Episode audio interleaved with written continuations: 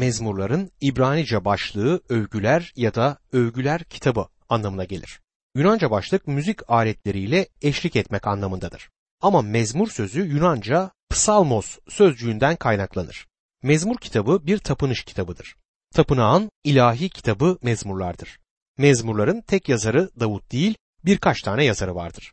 Toplamda 150 mezmur bulunmaktadır. Davut bu mezmurların 73 tanesinin yazarıdır. Davut İsrail'in tatlı mezmurcusu olarak tanınır.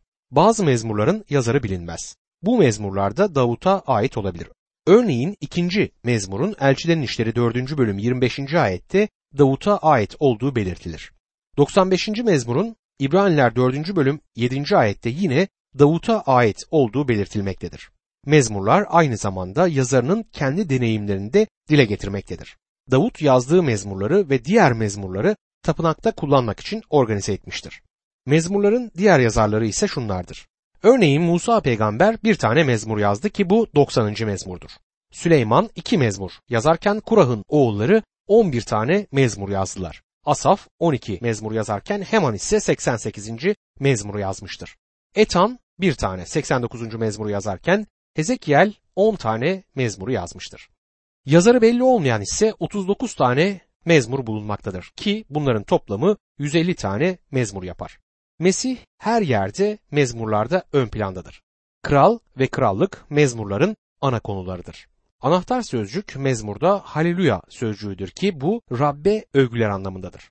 Bu söz Mesih inanları arasında bir alışkanlık haline gelmiştir. Ama söz gerçek anlamında söylendiğinde insan yüreğinde bir heyecan yaratır. Haleluya Rabbe övgüler olsun demektir. 50. ve 150. mezmur bence anahtar mezmurlardır. Esaf'ın mezmuru olan 50. mezmur öyle inanıyorum ki diğerlerinden çok daha derindir. 150. mezmur Rabbe övgüler mezmurudur. 150. mezmurda sadece 6 tane kısa ayet bulunmaktadır ama 13 kez Rabbe övgüler sunar. Rabbe övgüler sözüyle mezmur kitabı kapanır. Bu tüm diğer mezmurların bir karışımı olarak görülmelidir. Mezmurlarda derin ferahlık, duygular, yüceltilmiş hisler, aynı zamanda da koyu depresyonlar görülmektedir. Herhangi bir sorunda, kaygıda mezmurlara gittiğimde her zaman bana güç vermiştir mezmurlar. Mezmurlar kutsal kitabın tam ortasında yer almaktadır. 119. mezmur Tanrı'nın sözünün tam ortasındadır ve onun sözünü yüceltir. Bu kitap birçok insanın yüreğini çağlar boyunca bereketledi. Evde hasta kalınca ya da hastanede ya da herhangi bir sorun düşüncemi, yüreğimi tedirgin edince mezmurlara dönüyor ve kendimi mezmurların içinde buluyorum. Her zaman yüreğimi ve yaşamımı bereketlemektedirler. Mezmurlar sadece günümüzde değil, çağlar boyunca da böyleydi. Ambros adında biri şöyle yazar. Mezmurlar inanlılar topluluğunun sesidir. Agustin ise şöyle diyor. Tüm kutsal kitabın özüdür mezmurlar. Martin Luther tüm kutsal yaşamlılar için küçük bir kitapçıktır mezmurlar dedi. John Calvin ise şunları söyledi. Mezmurlar insan canının tüm parçalarının anatomisidir. Bu sözü seviyorum. Birisi mezmurlarda 126 psikolojik tecrübe vardır diyor. Bu sayıyı nereden buldular bilmiyorum ama bunların tümünün mezmur kitabında kaydedildiğini biliyorum. İnsanın her tecrübesini kaydeden tek kitap bu kitaptır. Her düşünce, her istek, cana dokunan her duygu mezmurlar kitabında kaydedilmiştir. Bu nedenle mezmurlar her zaman yüreklerimize konuşuyor ve her nereye bakarsak orada canımıza can katıyor. Hooker adlı bir yorumcu mezmurlar hakkında şöyle der. Kutsal kitabın yararlı olan çekleridir mezmurlar. Don adında biri ise mezmurlar benim ve her bir insanın ne yapacağını, ne tür acılar çekeceğini, neler söyleyeceğini önceden söyler der. Hert adında başka bir inanlı da mezmurlara ilişkin şöyle söyler. Her vakte uygun ilahi kitabıdır mezmurlar. Başka bir inanlı olan Watts, mezmurlar kilisenin bin sesli yüreğidir dedi.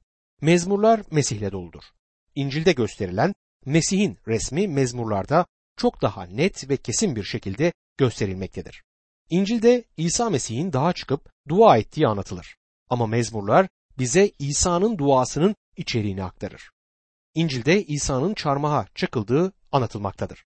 Mezmurlar bize İsa Mesih'in çarmıha gerilişinde yüreğinden neleri geçtiğini, neler hissettiğini açıklar. Mezmurlar ise İncil'in bittiği yerde başlar ve devreye girer ve gökte oturmuş olan Mesih'i bizlere gösterir. Mesih bu kitabın her yerinde önemlidir. Rab İsa dirilişinden sonra kendisine ait olanlara göründüğü zaman onlara Luka 24. bölüm 44. ayette şöyle dedi. Sonra onlara şöyle dedi. Daha sizlerle birlikteyken Musa'nın yasasında, peygamberlerin yazılarında ve mezmurlarda benimle ilgili yazılmış olanların tümünün gerçekleşmesi gerektir demiştim. Mesih mezmurların konusudur. Bence her bir mezmurda Mesih İsa övgünün hedefidir. Her bir mezmurda onu gösteremiyorum ama bu Mesih'in her mezmurda olmadığı anlamına gelmez. Bu da benim ne kadar kısıtlı olduğumu göstermekte. Tüm mezmurlarda tapınışın hedefi Mesih olduğu halde bazıları özellikle Mesihsel mezmurlardır. Bunlar Mesih'in doğumunu, yaşamını, ölümünü, dirilişini, yüceliğini, kahinliğini, krallığını ve dünyaya geri gelişini anlatmaktadırlar. Özellikle Mesih hakkında konuşan 16 Mesihsel mezmur vardır. Ama daha önce de söylediğim gibi tüm 150 mezmur Mesih hakkındadır. Bu kitabı incelediğimizde bu gerçek çok açık bir şekilde görünecektir. Özetlersek mezmurların konusu İsrail'e ait olan Mesih ve Mesih'e ait olan İsrail'dir. Bu iki konu insanın baş kaldırmasına bağlıdır. İsrail ile Mesih birleşinceye kadar bu dünyada bereket olmayacaktır. Mezmurlar Yahudilerin beklentisini ve umudunu kaydederler. Aynı zamanda mezmurlar tapınakta tapınmaya yönlendiren uygun ilahilerdir. Yine de bizim için ruhsal anlam taşırlar. Kutsal kitabın diğer parçalarından daha çok onlara yöneliyorum ama mezmurları yorumladıkça daha ayrıntılara ve asıl noktaya da geliyorum. Örneğin bu kitapta Tanrı baba olarak adlandırılmaz. İnanlara oğul denmez. Mezmurlarda Tanrı babadır ama baba Tanrı değildir. Kutsal ruhun taşan huzuru ve yeni antlaşmanın bereketli umudu mezmurlarda yer almaz. Bunu göremedikleri için birçok insan ikinci mezmuru yanlış yorumlar. İkinci mezmurun konusu kilisenin göğe alınışı değil, Mesih'in ikinci gelişidir. Mesih ikinci kez geldiğinde yeryüzünde krallığını kurup Yarışilim kentinden yönetecektir. Bazı mezmurlarda öc almaktan, yargı için edilen dualardan da söz edilir. Bu nedenle bu türden mezmurlar eleştirilere neden olmaktadırlar. Oysa bilmek gerekir ki bu mezmurlar savaş zamanında yeryüzünde doğruluğu ve barışı arayan, yasa altında yaşayan bir halk tarafından dile getirildiler. Dostum, adaletsizlik ve isyankarlığı bastırmadan barış olmuyor. Görünüşe göre Tanrı tam bunu yapmak amacındadır. Ve bunun için Tanrı özür dilemeyecek. Kendi vaktinde yargı için bu yeryüzüne gelecek. Yeni antlaşmanın öğretisinde Mesih inanlısı düşmanlarını sevmek zorundadır. Mezmurlardaysa düşmanlar hakkında çok sert ifadeler okuduğumuzda bu belki sizi şaşırtıyor. Ancak yargı bu yeryüzüne doğruluğu getirmek için geliyor. Bunun dışında Mesih karşıtının yönetiminde olacağı zamanı kaydeden mezmurlarda bulunuyor. İnsanların böyle durumlarda nasıl davranacağını ya da nasıl dua edeceklerini biz gösteremeyiz.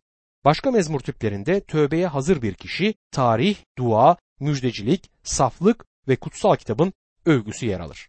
Mezmurlar oldukça zengin bir içerik taşırlar. Dostum mezmur kitabı gelişi güzel bir şekilde sıralanmadı. Bazı insanlar düşünüyorlar ki mezmurlar bir kutuya konulup çalkalandıktan sonra düzensiz bir şekilde sıralandı. Ne var ki bu böyle değildir. Bir mezmur bir ilkeyi gösterir. Bundan sonra bu ilkeyi anlatan birkaç mezmur bunu izler. Birinci mezmur ile sekizinci mezmur bunun güzel bir örneğidir. Mezmurlar düzenli bir şekilde sıralanmışlardır. Şu gerçek görüldü ki mezmurlar kitabının sıralaması Musa'nın beş kitabına uygundur. Mezmurların da bir yaratılış, çıkış, leviller, sayılar ve tesniye bölümü bulunur. Örneğin yaratılış bölümünde kusursuz insanı bereket içinde görüyoruz. Aynı durumu birinci mezmurda da görürüz.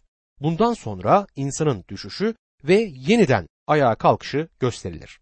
İkinci mezmur baş kaldıran adamı simgelerken, üçüncü mezmur kusursuz adamı reddeder. Dördüncü mezmurda kadının soyu ile yılanın soyu arasında olan çekişmeyi görüyoruz. Beşinci mezmurda kusursuz adamı düşmanların ortasında görürken, altıncı mezmurda terbiye edilen kusursuz adamın topuğuna saldırı olur. Yedinci mezmurda kusursuz adamı yalancı tanıklar ortasında görürüz. Sekizinci mezmurda ise ezilen iblisin başı aracılığıyla günahın yenildiğini bu nedenle de gerçekleşen insanın kurtuluşunu görürüz.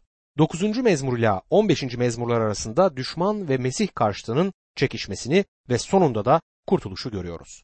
16 ila 41. mezmurlar arasında Mesih'i halkının ortasında onları Tanrı için kutsallaştırırken görürüz. Bunların tümünü Mezmurlar kitabını incelerken ayrıntılı bir şekilde göreceğiz. Spurgeon şöyle dedi. Mezmurlar kitabı bize hem kanatların hem de sözlerin kullanılışını öğretiyor. Mezmurlar sizi de güzel öten bir kanarya kuşu gibi yapar. Mezmurlar kitabı aynı zamanda kutsal kitabın bahçesi olarak adlandırıldı. Yeni antlaşmaya eski antlaşmadan 219 parça aktarılmıştır. Bunlardan 116'sı mezmurlardandır. 150 mezmurun tamamı müziğe bestelenen ilahilerdir. Bu kitap yüreklerimizi ilahi söylemeye yöneltmelidir. Birinci mezmura geldiğimiz zaman iki kişi, iki yol ve iki sonuçla karşılaşırız. Birinci mezmur, mezmurlar kitabının başlangıcıdır. Bir açıdan yaratılış kesimiyle başlar.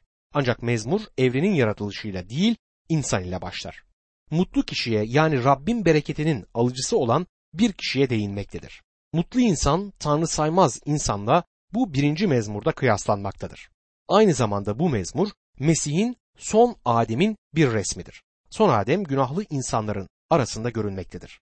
Onunla alay ederler. Mesih İsa'yı düşündüğümüzde genelde onu acıların adamı olarak göz önünde canlandırıyoruz.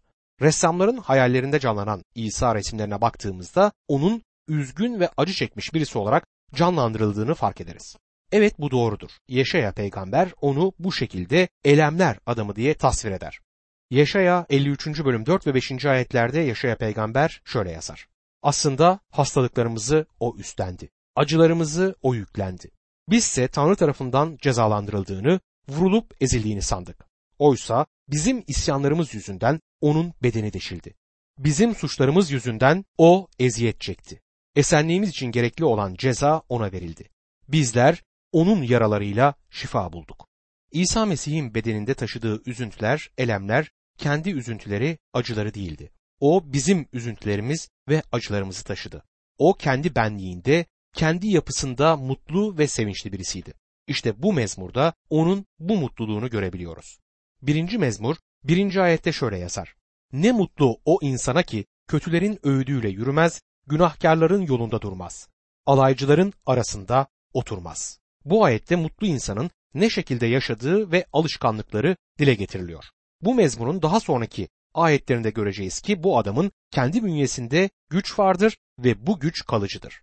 Bu ilk ayette mutlu adamın Rabbe bağlı insanın içinde yaşaması gereken olumsuz koşullar içinde bile nasıl mutlu olacağı gerçeğiyle yüz yüze geliriz. Aynı zamanda o mutluluğun devam etmesi için neler yapmaması gerektiği de bu mezmurda açıklanmaktadır. Mutlu adamın takınması gereken üç tane tavır vardır. İlk olarak Tanrı saymaz kişilerin verdiği öğütle yaşamını sürdürmemesi gerekir. Birinci konumu mutlu adamın yürürken ne yapmaması gerektiğini açıklar. İkincisi günahlarla durmaması gerektiğini bildirir. Üçüncüsü ise alaycılarla oturmamasıdır. Bu kişi üç tane aşamadan geçmektedir. Önce Tanrı'yı tanımayanlarla ilişki kurar ve sonunda alaycıların dergahında onların yaptıklarını yapar. Bu yolda gidenin hayatında kesin bir gerileme görülmektedir. Bir çürüklük ve kötüden kötüye gidiş hemen fark edilebilir. Mutlu Rab tarafından kutsanmış insan ise Tanrı saymazların öğüdüne uymaz yani onlara kulak vermez.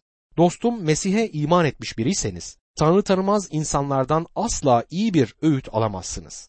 Bu kişilerin vereceği öğütler sizi ancak kötü yollara sevk edebilir. Bunu fark etmeniz önemlidir. Rab İsa bile herhangi bir konuda özellikle önemli konularda hiçbir zaman kendi mantığına ya da zihin gücüne dayanmadı. Yaptığı her şey her zaman Tanrı'nın iradesine dayanmaktaydı. Öğrencilerine gidip de bakın çocuklar ben durumumuzu düşündüm. Her şeyi ölçtüm tarttım ve sonunda şu karara vardım. Celili'ye gitsek iyi olur. Nasıl olsa ben sizden daha akıllı ve daha yetenekliyim. Benim bu üstün planlarıma uyarsanız sizin yararınıza olacaktır diye konuşmadı. Hayır, onlara böyle söylemedi. Tersine Yarışlim'e gidiyorum çünkü bu babamın isteğidir dedi. Rab İsa Mesih uzun zaman duada kaldı. Baba Tanrı ile duada konuştu, onun isteğini öğrendi ve o isteği uyguladı. Ancak onun isteğine göre hareket etti. Dostum, öğüt dinlemek kesin olarak iyi bir şeydir ama iyi kişilerin öğüdüne uymak gerek. Kötülerin öğüdüne uymak ancak yıkım getirir. Kutsal söz bizlere iman ile yürümemizi söyler. Acaba Tanrı tanımaz kişi kim olabilir? Ateistlerden ya da bizim inancımızda olmayan kişilere Tanrı saymaz deyip de geçemeyiz. Yaşamlarında Tanrı'ya yer vermeyen, onu hesaba katmayan herhangi bir kişi Tanrı saymazdır. Bu gibilerin içinde Tanrı korkusu bulunmaz. Bunlar sanki Tanrı yokmuş gibi yaşamaktadırlar. Çevremizde bu gibi insanlara çok rastlıyoruz. Sabahleyin uyandıklarında düşüncelerinde Tanrı'ya hiç yer vermezler. Dua etmek şurada dursun, belki de Rabbin adını boş yere ağızlarına alıp küfrederler. Tanrı'nın hem iyi kişilere hem de kötülere sağladığı nimetler için ona şükretmezler. Sanki Tanrı yokmuş gibi yaşamlarını sürdürmektedirler. Kısacası Rabbi hayatlarının ufacık bir köşesine bile sokmak istemezler. İşte böyle bir insan başkasına öğüt verirse öğütü alan sonunda günahlıların durduğu yerde onlarla birlikte duracaktır. Günahlı olmak ne demektir? Tanrı'nın insan için belirlediği kutsallık aşamasına erişememektir. Rabbin insandan beklediği yüksek ahlak düzeyinde bir türlü yaşayamayan insanı günahlı olmak dile getirir. Kutsal söz bu gibilerden Süleyman'ın özdeyişleri 14. bölüm 2. ayette şöyle bahseder. Doğru yolda yürüyen Rab'den korkar. Yoldan sapan Rabbi hor görür. Yine kutsal kitap Süleyman'ın özdeyişleri 16. bölüm 2. ayette şöyle der. İnsan her yaptığını temiz sanır ama niyetlerini tartan Rab'dir. Günahlı insan çoğu kez kendi düşüncelerinin yaşam tarzının doğru olduğunu düşünmektedir. Ama o yine de günahlıdır. Rab Yeşaya peygamber aracılığıyla Yeşaya 55. bölüm 7. ayete şöyle der. Kötü kişi yolunu, fesatçı düşüncelerini bıraksın. Rabbe dönsün, merhamet bulur. Tanrımıza dönsün, bol bol bağışlanır. İnsan günahlı olduğu için yolunu şaşırmıştır. Yolunu şaşıran insan başka insanlara nasıl öğüt verebilir ki? Yaşaya 53. bölüm 6. ayette şöyle diyor. Hepimiz koyun gibi yoldan sapmıştık. Her birimiz kendi yoluna döndü. Yine de Rab hepimizin cezasını ona yükledi. İşte Baba Tanrı bizim tüm günahlarımızın, suçlarımızın gerektirdiği yargıyı onun üzerine yükledi. Genelde kendi hayatımızı değerlendireceksek günahlı olduğumuzu hemen görmeliyiz. İşte bizim hayatımız böyledir. Günahlılarla durduğumuz zaman atmamız gereken bir adım daha olur. Bu adımla daha aşağılara inip alaycılarla otururuz. Alaycılar kimlerdir? Önce Tanrı ile, onun varlığı ve yasalarıyla alay edenler söz konusudur. Ateistler Tanrı'nın var olduğuna inanmıyorlar ve bu tutumlarıyla Tanrı'yla alay etmiş oluyorlar. Bakın günahlı ne yapıyor? Yoldan sapmak üzere olan insanı alır, yanına oturtur ve ona türlü yalanlar söylemeye başlar. Tanrı yoktur der. Bu alaycı sadece Tanrı'nın var olduğunu inkar etmekte kalmaz, aynı zamanda tüm evrenin yaratıcısına karşı içinde bir kin ve nefret barındırır. Tanrı'yı inkar eden bir insan olarak o kadar alçalır ki o alçak durumundan daha aşağılara gidemez. Bataklığın en derinliklerine inmiştir. Tanrı bu gibi kişiler hakkında Süleyman'ın özdeyişleri 3. bölüm 34. ayette şöyle der. Rab alaycılarla alay eder ama alçak gönüllülere lütfeder. Dostum Tanrı onunla alay edenlere karşıdır. Aslında Tanrı ile alay eden insanın kendisi Tanrı tarafından aşağılanacaktır. İşte Rabbin yolunda yürümeyen insanın durumu da böyledir. Mutlu insan mutlu olmak isterse bu yolda yürümemesi gerekir. Şimdi ikinci ayete geldik. Bu ayette mutlu insanın mutluluğunu koruyabilmesi için ne yapması gerektiği yazıldır. Birinci mezmur ikinci ayette şöyle yazar. Ancak zevkini Rabbin yasasından alır ve gece gündüz onun üzerinde derin derin düşünür. Rab İsa Mesih cine yakalanmış bir adamın kurtarıldığını, özgür kılındığını anlattığı zaman nelerin olduğunu açıklamıştı. Adamın hayatı temizlenmişti. Bir açıdan diyebiliriz ki adamın içi dışı temizlenmiş, tertemiz olmuştu. Herhalde adam da gerçekten kendini temiz hissetmişti. Şimdi her şeyin tıkırında gideceğini sandı ama cin hala o adamın efendisiydi. Cin adamdan çıktıktan sonra biraz dolaştı, oraya buraya gitti ve sonra dolaşmaktan bıkıp geri eski evine döndü. Eski evinin temizlenmiş olduğunu görünce gidip arkadaşlarını da getirdi. Peki arkadaşları kimlerdi? Kendisi gibi yedi cin daha geldi. Daha önce tek cine konuk olan bu adam da şimdi yedi cin daha yaşıyordu. Şimdiki durumu eskisinden daha kötüydü. Birçok kişi yaşamlarını biraz temizledikten sonra her şeyin yolunda gideceğini düşünür. Dikkat ederseniz mezmur yazarı mutlu adam Rabbin sözünden zevk alır diyor. Rabbe sadık olan insana en çok zevk veren Tanrı'nın sözüdür. Tanrı sözünden eski antlaşma Rabbin ruhsal yasası diye söz eder. Bu yine Rabbin sözüne işaret etmektedir. Tanrı sözü gerçekten çok heyecan ve aynı zamanda da zevk vericidir. Rabbin sözü bir hazinedir. Gün be gün yepyeni cevherlerin keşfedildiği bir hazine. Bazıları Tanrı sözünü çok ağır bulurlar. Rabbin çocuğuysan, yeniden doğmuşsan ve ruhsal gözlerin açılmışsa durum hiç de böyle olmamalıdır. Özellikle Rabbin çocuğuna en üstün zevkleri verebilecek yeterliliktedir Tanrı sözü. Evet, Tanrı'nın ruhsal yasasından, onun sözünden zevk alan adam gerçekten mutludur. Yaşadığımız bu günlerde aileleri parçalayarak ayıran, üzüntü ve acı dağıtan, insanı inim inim inleten, yaşamları birer birer harabeye çeviren tek bir unsur nedir diye sorsanız hiç tereddüt etmeden insanın Tanrı sözünü hiçe saymasıdır diye yanıtlarım. Tanrı sözü bunu açıkça şöyle belirtir. 1. Yuhanna 5. bölüm 3. ayetti. Tanrı'yı sevmek, onun buyruklarını yerine getirmek demektir. Onun buyrukları da ağır değildir. Tanrı'yı sevmek, onun buyruklarını yerine getirmektir. Mesih inanlısı için buyruğa uymak bir zevktir. Şimdi buyruğa uymaktan söz ederken on buyruğa değinildiğini sanmayın. Mesih'in verdiği buyruk sevgi üzerine kurulmuştur. Önce Rab Tanrı'yı sevmemiz gerekir, ondan sonra da kardeşimizi ve komşumuzu. Hem de kendimiz gibi. Bazen Rab İsa'da Rabbin bize verdiği kurtuluş, Rabbin lütfu yanlış anlaşılmaktadır. Rab İsa günahlarımız için çarmıh üzerinde öldü ve ona iman etmekle günahlarımız bağışlanıyor. Bu Rabbin lütfuyla olmaktadır.